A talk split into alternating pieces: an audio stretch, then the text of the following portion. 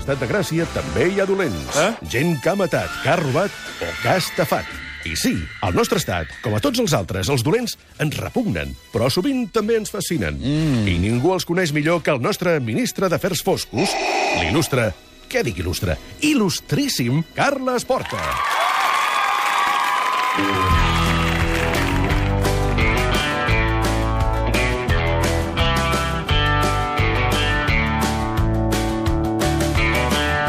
Passar la frontera al maleter d'un Mercedes verd i atrotinat. Bona tarda, Carles Porta. Hola, hola, hola. Com estem? El nostre ministre d'Afers Foscos, que la setmana passada eh, ja ens avisava que, tot i que donàvem per tancat el cas de la Guàrdia Urbana, eh, pot haver-hi encara més toms i més giragonses al voltant d'això. Sí, sí, sí, aquest és un, un cas que jo crec que donarà moltes voltes encara. Moltes, moltes, moltes. Però bueno, ja veurem, ja veurem, ja veurem. De, ja veurem com avança tot plegat. Eh, estarem atents al que passi amb el crim de la Guàrdia Urbana, però de moment avui a l'Estat de Gràcia ens centrarem en un nou cas. Obrim un nou cas que el Carles Porta ha titulat La mort venia en camió.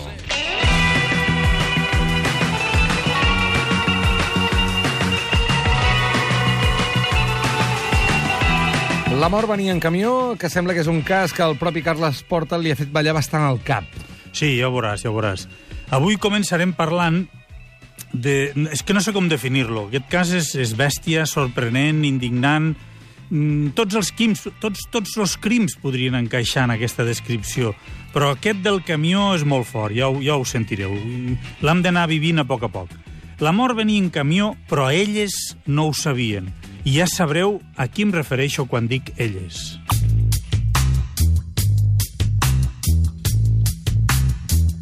Aquestes històries comencen quan es troba un cadàver. Trobem, doncs, el cadàver. Ens hem de traslladar al dia 3 de novembre del 2006 i anem cap a les comarques gironines, concretament a Hostalric, una vila d'una mica més de 4.000 habitants a la comarca de la Selva. A Hostalric s'hi viu bé, és un poble bonic i tranquil, amb un equip de futbol a les categories regionals, l'Atlètic Club Hostalric. Aquell novembre de l'any 2006, una veïna del poble va sortir a passejar els seus dos gossos pels voltants del camp de futbol. La zona, que es fa servir habitualment d'aparcament, és gran i al costat de les graderies hi ha molt terreny perquè els gossets puguin córrer i jugar. Uh -huh. Però aquella senyora veu que els gossos no es mouen del darrere d'una muntanyeta de runa. Què hi deu haver allí?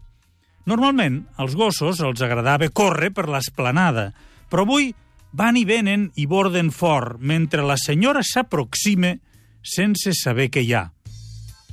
No és pas una zona molt apartada del poble. És ben bé a tocar del camp de futbol i molt a prop d'un polígon industrial.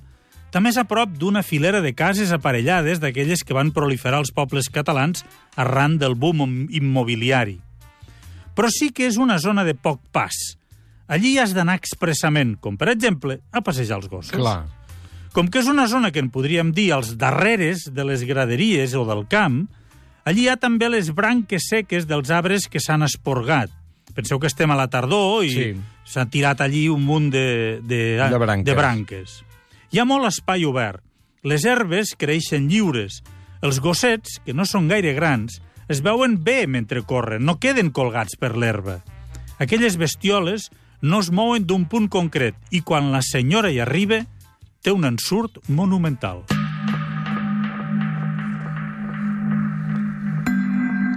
A primer cop d'ull es pensa que està dormida, però quan s'hi apropa del tot li queda molt clar que és una dona morta. Una noia jove, totalment despullada, panxa terra, de boca terrosa. Jo he vist moltes imatges de cadàvers i gent ferida i la foto de la noia d'Hostalric és una de les imatges més impactants que he vist a la meva vida. Per què, en concret, aquesta és més impactant? Era com una nina de porcellana, de pell molt blanca, fina, tombada panxa a terra en una posició que semblava una pintura, amb els braços mig oberts a banda i banda, sense cap marca aparent, com una nina de porcellana de la mida d'una persona. Més o menys l'edat, la, sap- bueno, la saps, no? Quan la troben, no. Després t'ho diré, 20 anys. 20 anys. 20 anys, però eh, és, era, era, és d'una finesa, finesa Mhm, mhm. una cosa impressionant, impressionant. A més a més, col·locada allí al mig d'aquella gespa, amb els gossos voltant pel... És una cosa que no t'ho creus, no t'ho imagines que allò és una persona morta. Uh -huh. Sembla que sigui com, com una escultura d'aquelles Ja, de ja, ja, marbre sí, sí, sí, sí. que l'han depositat allí. O una pintura romàntica d'aquestes, no?, del romanticisme. Exacte, sí senyor. Quan van arribar els Mossos, es van esgarrifar del contrast entre la dolçor que desprenia el cos d'aquella noia i el que van començar a descobrir només girar-la. Ai. Abans de donar-li el tom, per mirar-li la cara, observen els voltants i no hi troben res significatiu. Clar, li, està despullada, no hi ha roba? Completament despullada. No hi ha roba enlloc, ni roba ni documentació. Qui és aquesta noia? Es veu que és jove, molt jove, ja ho dic, després sabrem que tenia 20 anys, però la primera cosa que crida l'atenció dels investigadors és que té restes de cabells a les espatlles. Com quan vas a la perruqueria eh, i et tallen els cabells i et queda tot de trossets de, Sí. de, de pèl a l'esquena, saps? I a les Sí, sí, espatlles. sí, sí, sí. Doncs ella tenia, en tenia molts a la part superior de l'esquena. Giren el cos i comencen a veure coses que seran importants. Aquella noia tenia marques d'haver estat escanyada amb una corda. Per la coloració de la pell, no feia gaire temps que estava morta, encara tenia tot el coll vermell i es veia molt clar la, la línia d'un- d'una cosa estreta, d'una corda, d'un fil. La policia catalana va veure una altra cosa que acabarà sent determinant per a la investigació. Ens ho explica l'intendent Jordi Bascompte dels Mossos d'Esquadra. Ja sentireu que llegeix part de l'informe per recordar-ho millor. L'intendent Bascompte va dirigir la investigació. Escoltem-lo. Se observan marcas realizadas por neumáticos de un vehículo, posiblemente de un camión, con los ejes articulados. Això es veu al terra. Val? És a dir, al terra nosaltres observem que aquesta noia, algú eh, no l'ha matat allà, l'ha arrossegat pel terra. Vale? Algú l'ha arrossegat pel terra i l'ha deixat aquí. L'ha agafat, pam, i l'ha arrossegat. Aquest arros- arrossegament genera unes lesions a la zona de baix de les cames val? i als peus, i això és el que ens diu, ens demostra que no l'han matat aquí mateix, que algú l'ha arrossegat. Molt bé. Però és que, a més a més, observem que allà on l'han arrossegat, on s'inicia les, les marques del arrossegament, hi ha unes senyals, unes roderes, possiblement d'un camió. El cos de la noia va ser trobat en un espai ple d'herba, però que connectava amb la zona d'aparcament del camp de futbol, que era de terra, i és en aquest espai on es veuen les roderes del camió. I, a més a més, s'hi veuen les marques de dos solcs que podien coincidir perfectament amb les marques d'arrossegament d'un cos. I al cos de la noia, com deia l'intendent, a les cuixes, als genolls i sobretot a la part superior dels peus, s'hi veuen unes rascades que fan pensar que l'han arrossegat a on acaben, o més ben dit, on comencen aquestes marques d'arrossegament, hi havia les marques de rodes grans de camió i es veia clar que era un tràiler per la maniobrabilitat d'aquelles marques, allò que tècnicament se'n diu un camió articulat. A més a més, la terra de la, de la zona d'aquella zona era blanquinosa i això feia que les marques de les roderes quedessin molt clares entrant a la part asfaltada. Hosti, és deixar moltes marques així. Si us recordeu, al principi hem dit que allí prop hi havia un polígon industrial. En aquella època els ajuntaments urbanitzàvem terrenys per atreure indústries i empreses. Doncs en aquella zona els carrers s'havien asfaltat recentment, el terra era molt negre i les marques de les rodes del camió s'hi veien molt clares.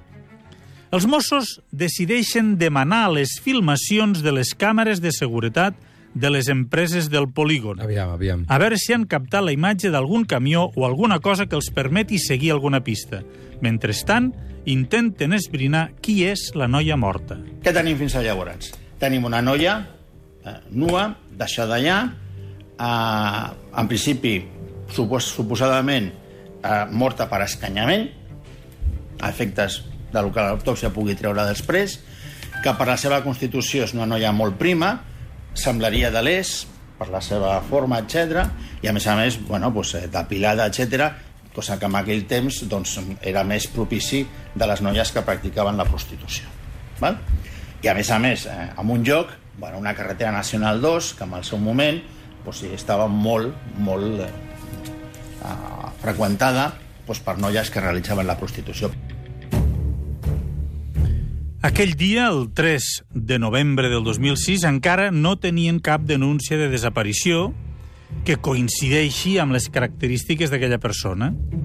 Hi ha detalls, ja ho heu sentit, que fan pensar que podria ser una noia estrangera que estaria exercint la prostitució en alguna de les carreteres de la demarcació. En aquella època, novembre del 2006, moltes carreteres de Girona, properes a l'autopista a la Nacional, estaven plenes de dones que es malguanyaven la vida fent de prostitutes. Els Mossos envien patrulles a parlar amb tantes dones com sigui possible, a veure si troben alguna cosa. Porten una foto de la noia i la van ensenyant a veure si algú la coneix. Mentrestant, mirar les imatges de les càmeres de seguretat no es fan un dia. A més, en aquest moment de la investigació encara no se sap a quina hora podia haver passat tot. Els investigadors suposen que deu haver sigut de nit, però vés a saber. I suposen que deu haver sigut de nit perquè és una zona molt oberta. Uh -huh. I si hi ha hagut un camió implicat, Clar, clar, clar. clar. eh, no hauria si... algú podia haver vist alguna cosa. Clar, I allà al poble ningú ha vist res, per tant, suposen que haurà sigut de nit. Per començar, amb això de les càmeres de seguretat s'adonen que tindran diversos problemes i molta feina. A la zona hi ha uns quants carrers per on podia haver passat el camió i hi ha bastantes càmeres de seguretat. I a primer cop d'ull, les càmeres enfoquen a les portes dels edificis que vigilen i no la carretera. També és veritat. S'haurà de mirar una per una a veure si alguna té un angle de visió que els ajudi. No serà fàcil. Dos dies després que es trobés el cos, un home presenta una denúncia a la comissaria de Figueres. Atenció. Ell és búlgar i diu que la seva dona, també búlgara, ha desaparegut i es diu Miglena Petrova. Clar, i aquest home, en principi, a priori, no sap res de la troballa d'aquesta dona. No, no perquè no s'ha publicat en lloc ni res. No ho recordo exactament. però la idea, en principi, no es fa això, clar. No, no, no. Li ensenyen les fotos del cadàver i la reconeix. Toma. És ella. Aquell home explica que la Miglena feia de prostituta de carretera prop de Sant Julià de Ramis. En aquest punt no estava clar del tot si aquell senyor només era el seu home o si també era el proxeneta. Clar, clar, clar. Però deixem-ho amb que és qui presenta la denúncia. Els Mossos van a la zona exacta a on aquell denunciant diu que la Miglena exercia la, la Ah. prostitució. Mm. Sí, sí. I parlen amb totes les prostitutes. Escoltem què van escriure a l'informe els Mossos d'Esquadra al Sí. novembre del 2006. Se localiza una señora que ejercía la prostitución cerca de donde la ejercía Miglena. Esta manifiesta que el día 2 del 11 a las 10 horas se detuvo un camión. Bueno, y a, par- a partir de aquí se explica. ¿vale? Se detuvo un camión cisterna de color blanco con matrícula alemana. El conductor solicitó sus servicios. Quería atarla. No accediendo a sus pretensiones. I li van fer un retrat robot. vale. Aquesta noia ens diu que ella sí que va pujar amb un camió. La morta. Però qui fa la... Qui, qui, qui explica que la volien lligar? Una altra, una altra noia? La, la, aquestes noies que fan la prostitució a la carretera normalment van de dos amb dos. O hi ha una noia amb una banda de carretera i una altra noia a l'altra banda, perquè així entre elles també es vigilen. D'acord. Hem de pensar que és probablement la, la feina o la situació més eh, denigrant Vulnerable i, i- vulnerable sí, que sí. hi ha, perquè qualsevol animal de bellota que arribi Sí, sí, allí sí. doncs et pot fer mal i bueno, és, és molt dur. Doncs clar, n'hi havia una que va parar el camió Mhm. i li va dir "Mm, vols pujar? Et vull lligar. Ah, i aquesta va dir que I no. aquesta va dir, a mi no em lligues. I la següent va ser la Miglena. I la Miglena va acceptar que la lliguessin i va pujar amb aquell camió. I llavors és la companya de feina Val, val, la val, que val. li diu als Mossos sí, va parar un camió, que jo crec que era un camió cisterna blanc, que em demanava lligar-me. Jo no vaig voler pujar i la Miglena sí. Aquesta noia va dir que aquest camió portava una matrícula alemanya, Alemanya, sí. evidentment no la recordava, i fan un retrat robot, un retrat robot que en aquells moments dibuixa un home amb Però que difícil, el, el deu haver vist molt poc, Molt aquest poc, senyor. sí. Molt pocs segons. i dibuixa un paio amb ulleres i amb cabells llargs. Val. Però anem avançant. L'intendent Bascomte, que ara és el sotscap de l'àrea regional de Girona, ha donat aquests detalls.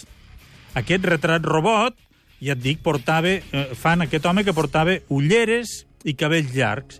Però va dir que era un camió blanc i que creia recordar que era un camió cisterna. No recorda res més.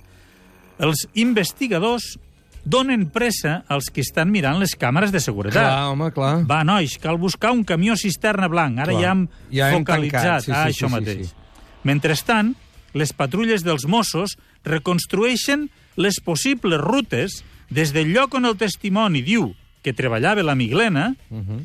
i va pujar al camió, des d'allí fins a Hostalric, on van trobar el cadàver. Veuen que confien, vaja, que en alguna gasolinera o en alguna empresa de la ruta que tingui càmeres de seguretat s'hagi filmat alguna cosa. D'acord. O no.